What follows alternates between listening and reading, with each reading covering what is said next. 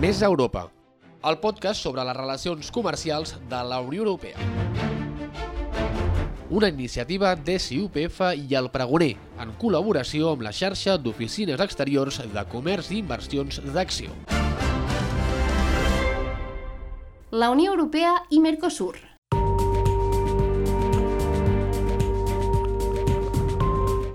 Primeres negociacions entre la Unió Europea i el Mercosur, Argentina, Brasil, Uruguai i Paraguai, van començar l'any 2000, però no va ser fins al 2019, després de gairebé dues dècades, quan la Unió Europea va aconseguir tancar un acord històric amb els països del Mercosur, països que ja no es beneficien del Pla de Preferències Generalitzades, SPG, a causa de la seva classificació com a països d'ingressos mitjans elevats. L'acord, tot i haver estat aprovat, encara no ha entrat en vigor, cal ratificar-lo. Es tracta d'un molt bon acord, ja que les les empreses europees aconsegueixen accés a un mercat de 260 milions de consumidors. A més a més, aquest acord pot ser interpretat com una aposta pel lliure comerç en un moment en què d'altres potències comercials com els Estats Units i la Xina estan fent un gir proteccionista. Entre altres coses, l'acord posa punt i final als 4.000 milions d'euros d'arancels, fet que beneficia, per exemple, la indústria automobilística, la tèxtil, la de vins, licors i calçats. L'acord ha volgut tractar qüestions no només tarifàries, sinó que ha abordat altres temes, com les normes d'origen, les barreres tècniques al comerç, les mesures sanitàries i fitosanitàries, els serveis, la contractació pública, la propietat intel·lectual, el desenvolupament sostenible i les petites i mitjanes empreses. En aquest sentit, passa a formar part dels acords anomenats de tercera generació, que la Unió Europea també ha signat amb d'altres socis preferencials com ara el Japó o el Canadà. I és que abans de signar l'acord, les relacions Unió Europea-Mercosur ja eren molt intenses. La Unió Europea és el primer soci comercial i d'inversió de Mercosur i el segon soci comercial de béns després de la Xina. I per la seva banda, Mercosur és el soci de béns número 11 de la Unió Europea. Les exportacions del bloc comunitari al Mercosur van ser de 41.000 milions d'euros en béns i 21.000 milions en serveis al 2019. En el sentit contrari, les exportacions de Mercosur a la Unió Europea van ser de 35.900 milions d'euros en béns i 10.000 milions en serveis.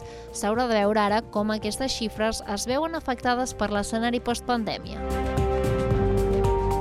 Si ens fixem en les exportacions, veiem que les més importants entre els dos blocs l'any 2019 van ser els productes agrícoles, com ara aliments, begudes i tabac, un 21,2%, productes vegetals, inclosos la soja i el cafè, un 17,4%, i les carns i altres productes animals, que són un 6,5%. En el cas d'Espanya, el Brasil és el segon proveïdor de productes agroalimentaris després dels Estats Units, entre els països extracomunitaris i l'Argentina és el tercer.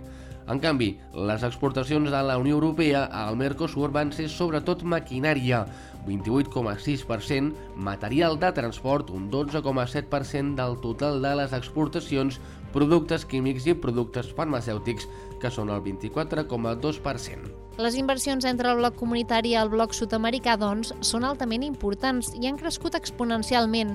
L'any 2000, just quan començaven les negociacions, l'estoc d'inversió acumulat de la Unió Europea era de 130.000 milions d'euros i el 2017 va pujar fins als 365.000 milions. Recordem que el Mercosur es va fundar el 1991 i comprèn l'Argentina, el Brasil, el Paraguai i l'Uruguai. Venezuela es va adherir oficialment al juliol del 2012, però va ser suspesa per ser-ne membre el 2017 quan els seus drets com a estat de ple dret van ser suspesos per la seva situació política domèstica. Al desembre de 2012 també es va signar el protocol d'adhesió de Bolívia, un protocol però que encara està pendent de ratificació pels parlaments dels països del Mercosur. L'acord Unió Europea-Mercosur, com dèiem, encara no s'ha fet del tot efectiu. Ja fa dos anys que està encallat. Al tractar-se d'un acord mixt on es recullen interessos comercials amb interessos no comercials, el Parlament Europeu no pot començar el procés de ratificació fins que tots els estats membres de l'acord hagin firmat. L'octubre del 2020, els Països Baixos, Àustria i França van rebutjar validar l'acord si l'executiu brasiler, encapçalat per Jair Bolsonaro, no canviava les seves polítiques mediambientals. Van considerar que no comptava amb els requisits suficients per protegir l'Amazones davant la desforestació incontrolada i els incendis dramàtics que ha provocat, tal com demanava l'acord de París signat el 2015. Entre d'altres, aquests acords sobre el clima recullen la promesa que el Brasil redueixi de cara al 2025 les emissions netes de gasos d'efecte hivernacle un 37% en comparació amb els nivells del 2005, el compromís d'aturar la desforestació il·legal de l'Amazònia brasilera i de reforestar 12 milions d'hectàrees al 2030 i el compromís de la Unió Europea de reduir les seves emissions nacionals com a mínim un 40% al 2030. La Unió Europea ja veia difícil aconseguir el pacte Unió Europea-Mercosur mentre Bolsonaro fos al poder, però si es desencalla no només haurà estat possible, sinó que haurà lligat el país més gran de l'Amèrica del Sud a seguir els acords sobre l'emergència climàtica de l'Acord de París.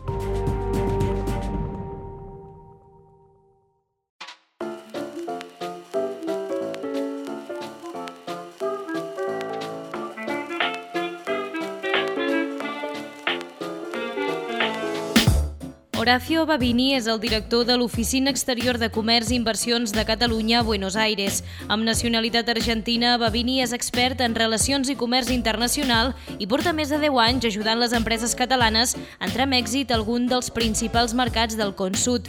Està així al capdavant de l'Oficina d'Acció a Buenos Aires, una de les més consolidades, oberta des de 1989 i situada actualment al barri de Belgrano, un dels pols comercials més dinàmics de la ciutat. Des de d'allà s'han engegat projectes de gairebé tots els sectors empresarials, però amb una forta presència de l'àmbit dels sistemes industrials, de les indústries de l'experiència i les de química i energia. Josep Maria Joan Boades és el director de l'Oficina Exterior de Comerç i Inversions de Catalunya a Sao Paulo. Està format en dret i administració d'empreses i té una llarga experiència professional al Brasil com a responsable d'exportació d'una multinacional catalana i també com a president del Club Catalano-Brasiler de Negocis. És així cap de l'Oficina d'Acció a Sao Paulo, que va obrir les seves portes l'any 1999 per donar accés a un dels mercats d'accés més difícil però major potencial de l'Amèrica del Sud. Des de llavors s'han fet negocis amb empreses dels sectors dels sistemes industrials, indústries de l'experiència i química i energia, però també de l'alimentació, el disseny i les TIC. A més, l'oficina de Sao Paulo està especialitzada en innovació internacional.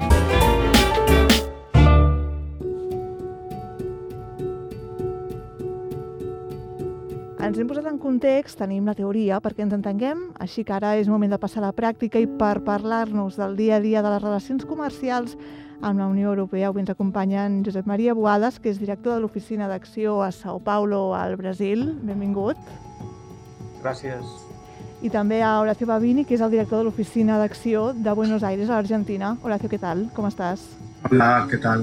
Moltíssimes gràcies a tots dos per ser avui amb nosaltres. Intentarem reflexionar al voltant d'aquest acord que insistim que no s'ha ratificat, per tant, parlem una mica amb el que tenim sobre paper, no? perquè ens entenguem, però sense saber a la pràctica com s'acabarà aplicant tot plegat. Sí que m'agradaria demanar-vos, però d'entrada, eh, si considereu que l'acord, que aquesta negociació és, era necessària, és a dir, en altres paraules, si s'adequa a les necessitats que existien.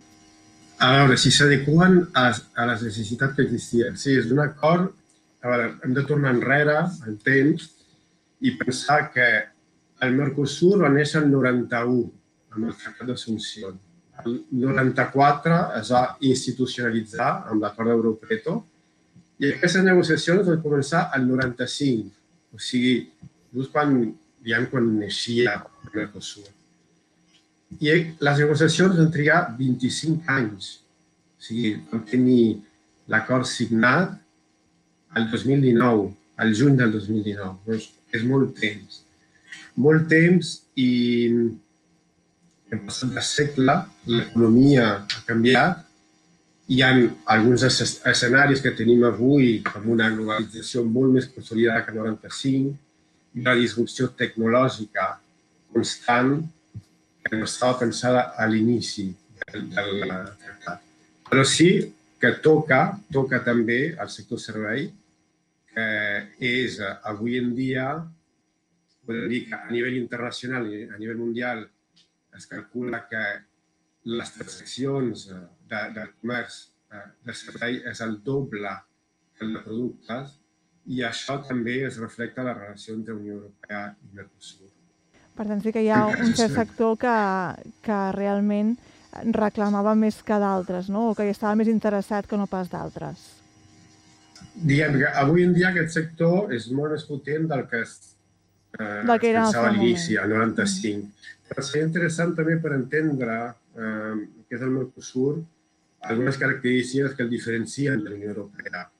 No? Em sembla aspect.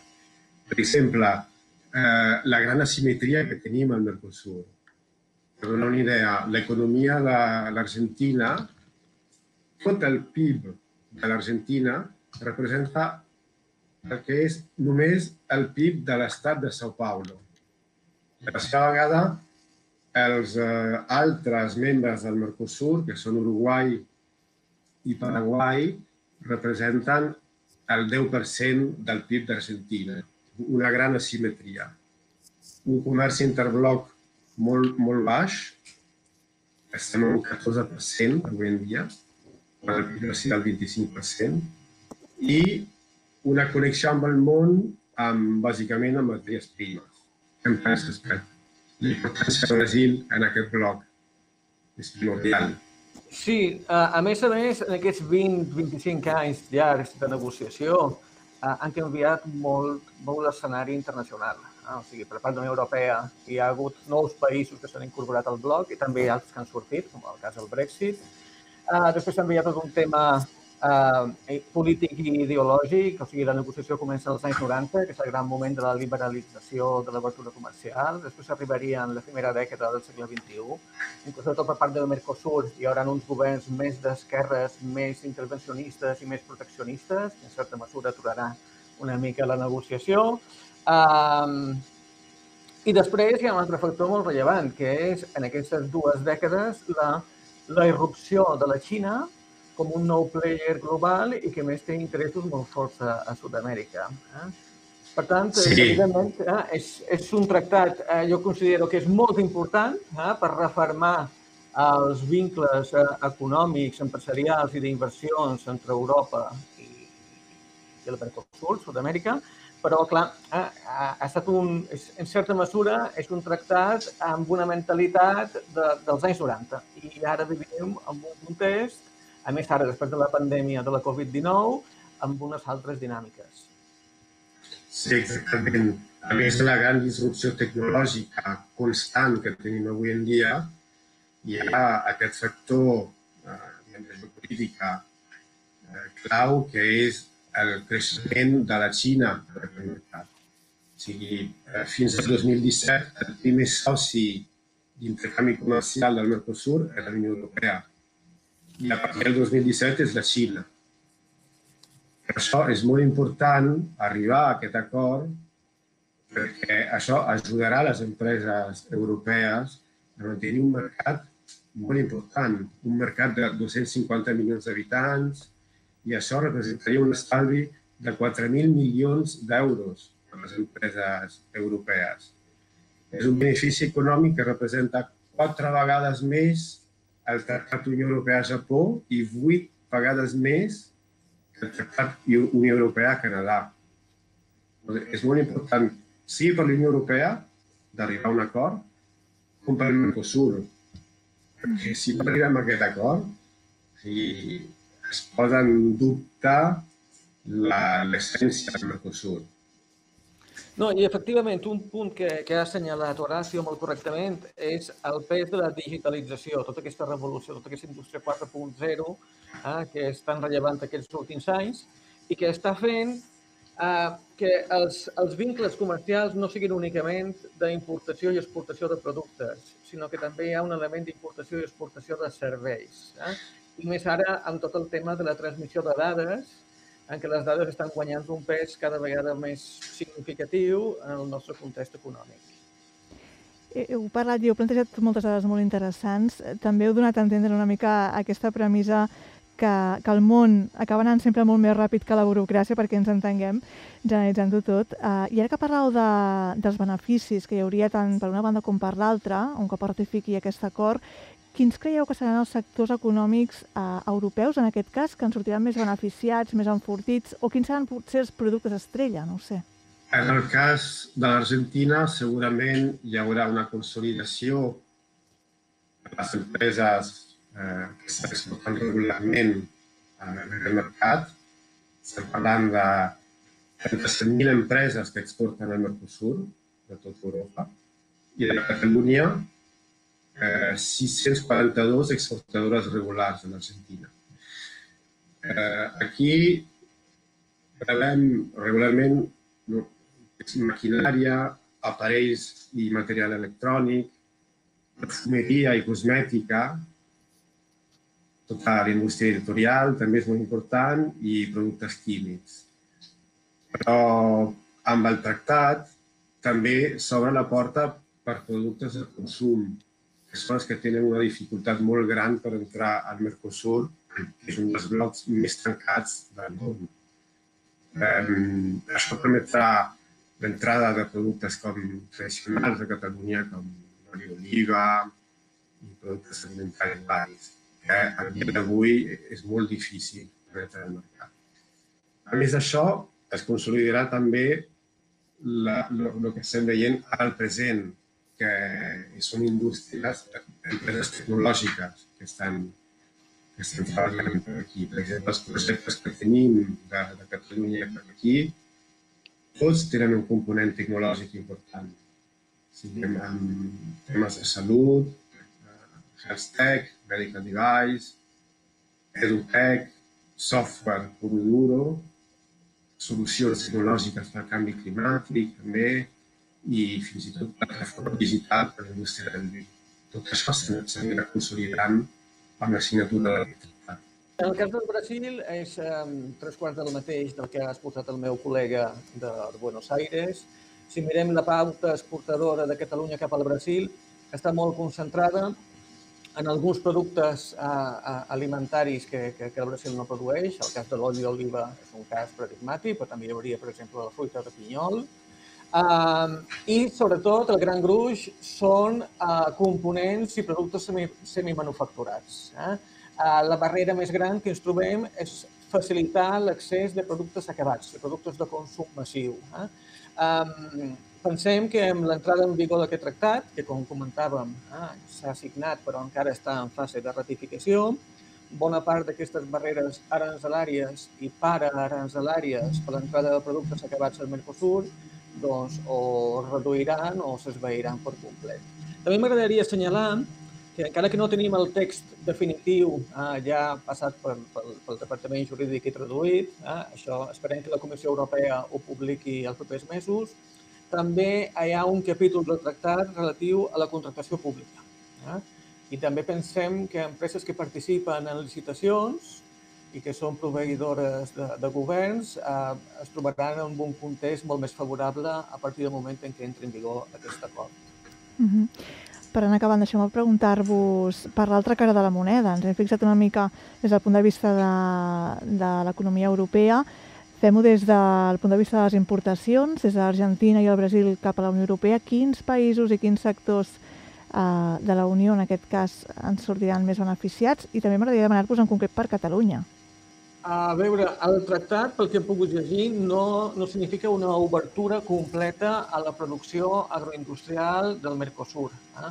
sigui, el, eh, la Unió Europea encara es manté eh, com unes reserves d'uns lots eh, per determinats productes, bàsicament carns i productes làctics, bueno, també hi ha la soja i també hi hauria els derivats de la canya de sucre, eh, tant sigui el sucre refinat com, com l'etanol. Eh. En aquest sentit, el tractat suposa una passa endavant en el sentit d'ampliar la quantitat de tones de producció sud-americana que poden entrar a Europa sense haver de pagar l'arancel, però no significa la liberalització per complet. Uh, per tant, pensem que per, del punt de vista dels sud-americans, uh, l'entrada en vigor d'aquest tractat significarà uh, incrementar el volum de les seves exportacions de matèries primeres cap a, a Europa, però també Crec que en el cas d'alguns productes elaborats i orientats al consumidor final, s'obriran oportunitats per obrir mercats o per establir-se i pensem que Catalunya pot servir com una via d'accés rellevant a tots aquests mercats eh, europeus. Catalunya té, té un rol molt important aquí com porta d'entrada a Europa. De fet, ara, sense el tractat, estem veient moltes empreses argentines interessades en implantar-se allà posar una seu a Barcelona i des d'allà atacar el mercat europeu. I això eh, tindrà un potencial enorme en la signatura del tractat. Per l'altra banda, eh, a nivell Mercosur, o sigui, aquest tractat ens permetria tenir regles clares. O sigui, avui en dia per les empreses catalanes és molt difícil entrar aquí perquè hi ha molta homologació de producte, molta burocràcia a duanes i normatives sanitàries vàries i aquest tractat ens ajudarà a simplificar tot aquest recorregut que ha de fer l'empresa per poder vendre als mercats del Mercosur. Mm -hmm. Abans d'acomiadar-vos, m'agradaria donar-vos aquest petit espai per explicar, si voleu, per compartir alguna anècdota o per compartir alguna reflexió més al respecte. Bueno, a veure, és un tractat que ha trigat 20 anys a, a negociar-se, o 25, eh, que ara està en fase de ratificació. És veritat que el context en què ens trobem actualment, eh, de pandèmic i postpandèmic, fa que la ratificació del tractat no estigui a dalt en l'agenda de prioritats, ni del Parlament Europeu ni dels parlaments sud-americans, però jo estic convençut que quan això finalment entri en vigor eh, significarà una catapulta eh, per incrementar l'activitat entre els dos blocs. De fet, jo suposo que el meu company de Buenos Aires també ho ha viscut. Eh, D'ençà que es va fer pública la notícia, hem, hem sentit com a mínim aquí a São Paulo un increment significatiu de les consultes i de l'interès per part de les empreses que veuen que hi haurà un canvi d'escenari properament i que comencen a estudiar els mercats sud-americans eh, en la seva política d'expansió comercial. Eh? Eh, confio en que aquesta ratificació sigui el més breu possible, tenint en compte eh, les variables sanitàries i polítiques en les que ens movem. Horacio? Jo diria només eh, m'agradaria que, que no haguéssim d'esperar altres 25 anys per la ratificació, perquè no sé si serem encara, no? Esperem poder gaudir d'aquesta ratificació. Doncs esperem que així sigui. Ens quedem amb aquest desig. Josep Maria Boades, director de l'Oficina d'Acció a Sao Paulo, al Brasil, i Horacio Avini, director de l'Oficina d'Acció a Buenos Aires, a Argentina. Moltíssimes gràcies pel vostre temps i per la vostra feina. Ha estat un plaer. Moltes gràcies.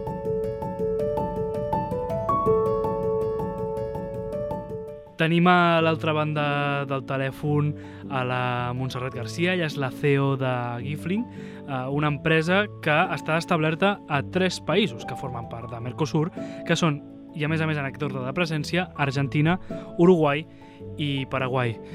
Hola, Montserrat, com estàs? Hola, bones, bones tardes. Molt bé. Eh, mira, la primera cosa que volíem fer era eh, que ens expliquessis eh, qui sou i, i què feu, a, a, què, a què us dediqueu actualment.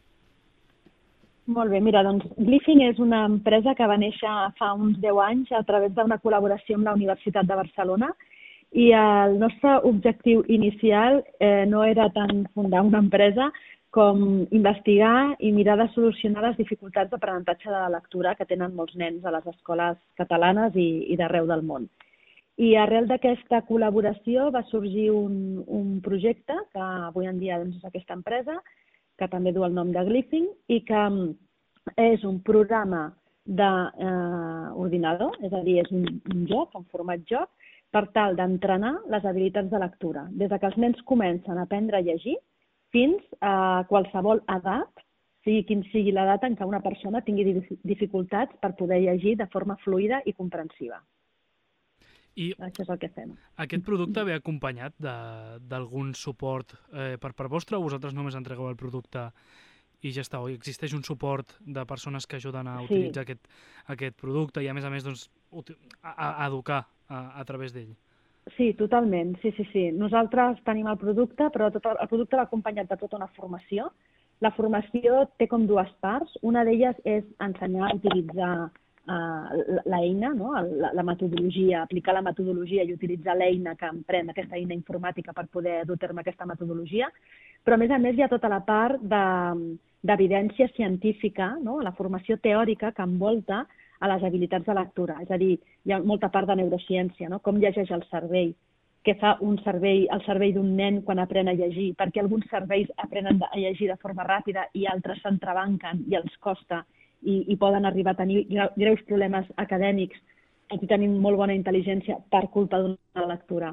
Per tant, sí, sí, tenim acompanyament per l'aplicació, tenim acompanyament que és tant tècnic com pedagògic, i, i tenim formació en aquests dos sentits, o sigui, com s'aplica el, el programa, la metodologia i quina és l'evidència científica, la part de, de, de coneixement del cervell i dels mecanismes de l'aprenentatge perquè els professionals ho puguin aplicar de la millor manera possible.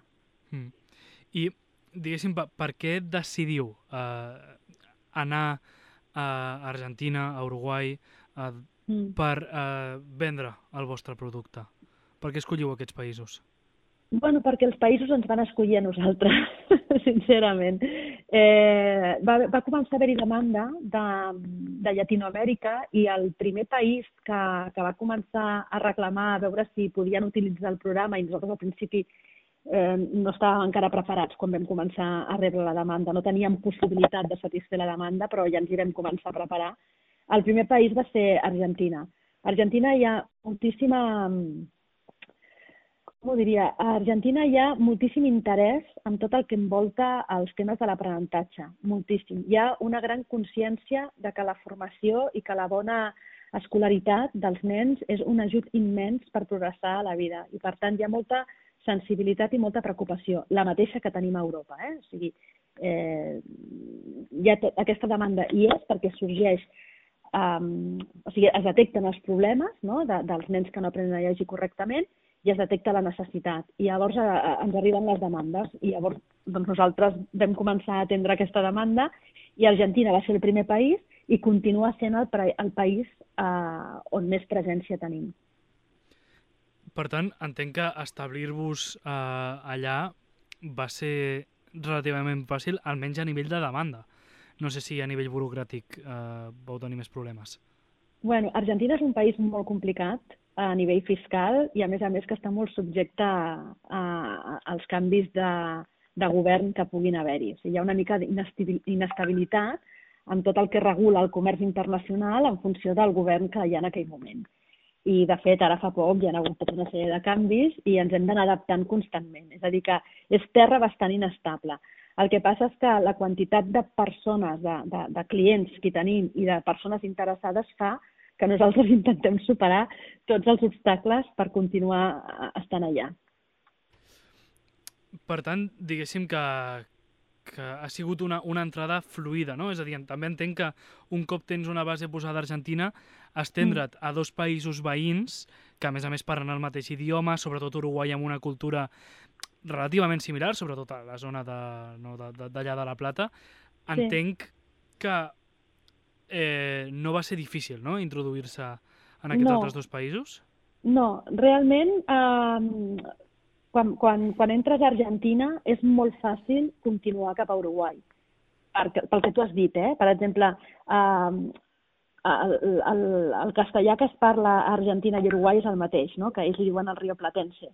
I nosaltres tenim sessions de glifing adaptades al Rio Platense. Llavors, ja, ja, ja arribes en aquests dos països fàcilment.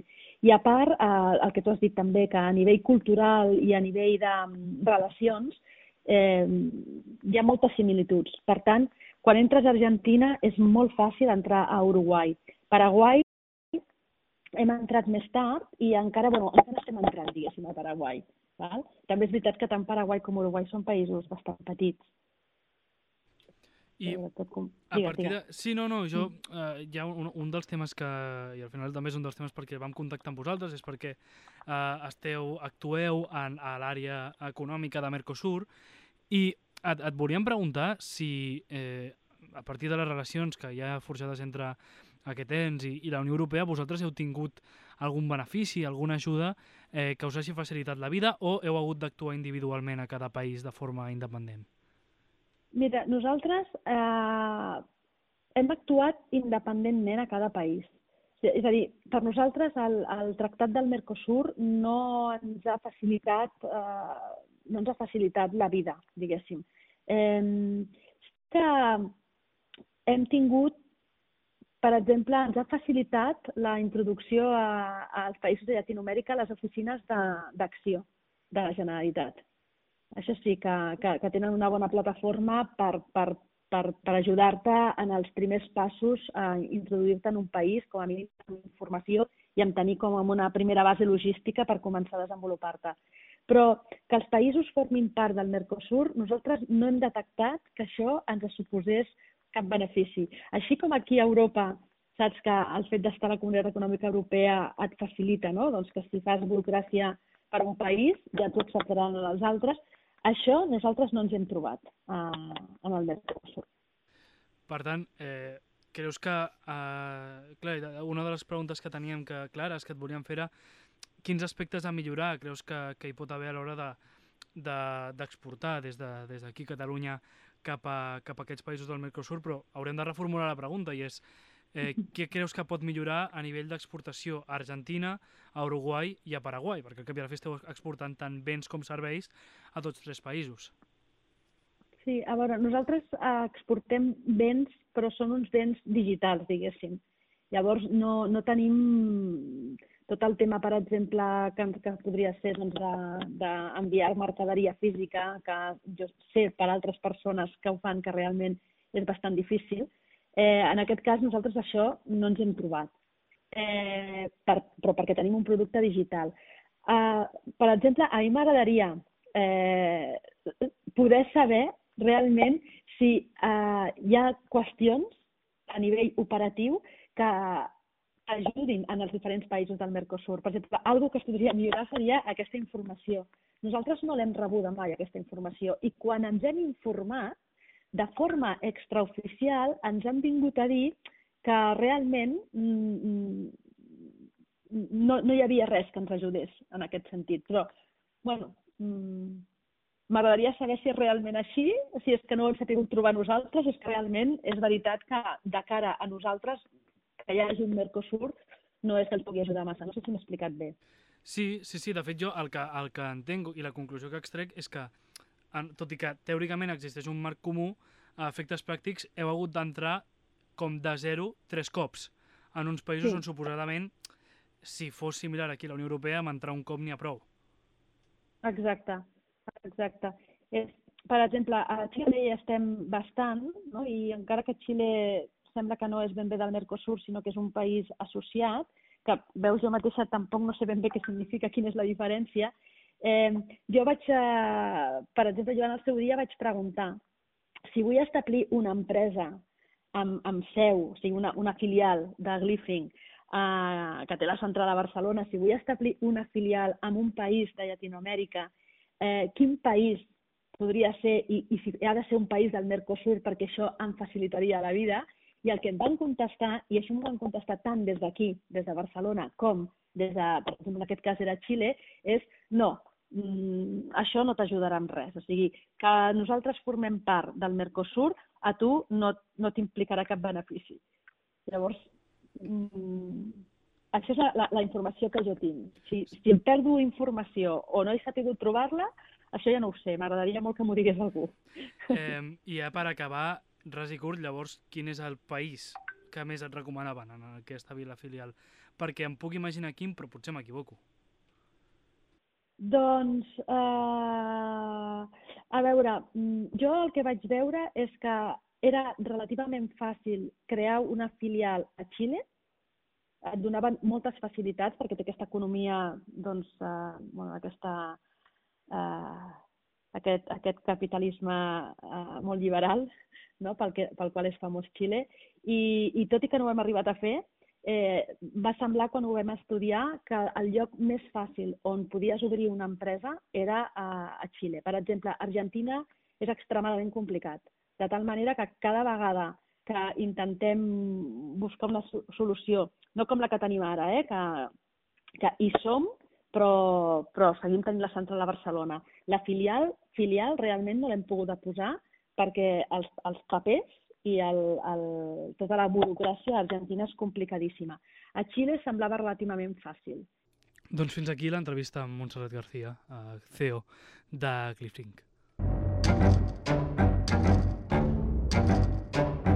I fins aquí aquest espai dedicat a les relacions comercials entre la Unió Europea i el Mercosur. Si vols saber quin és l'estat de més acords entre el bloc comunitari i altres parts del món, no dubtis a escoltar els altres capítols.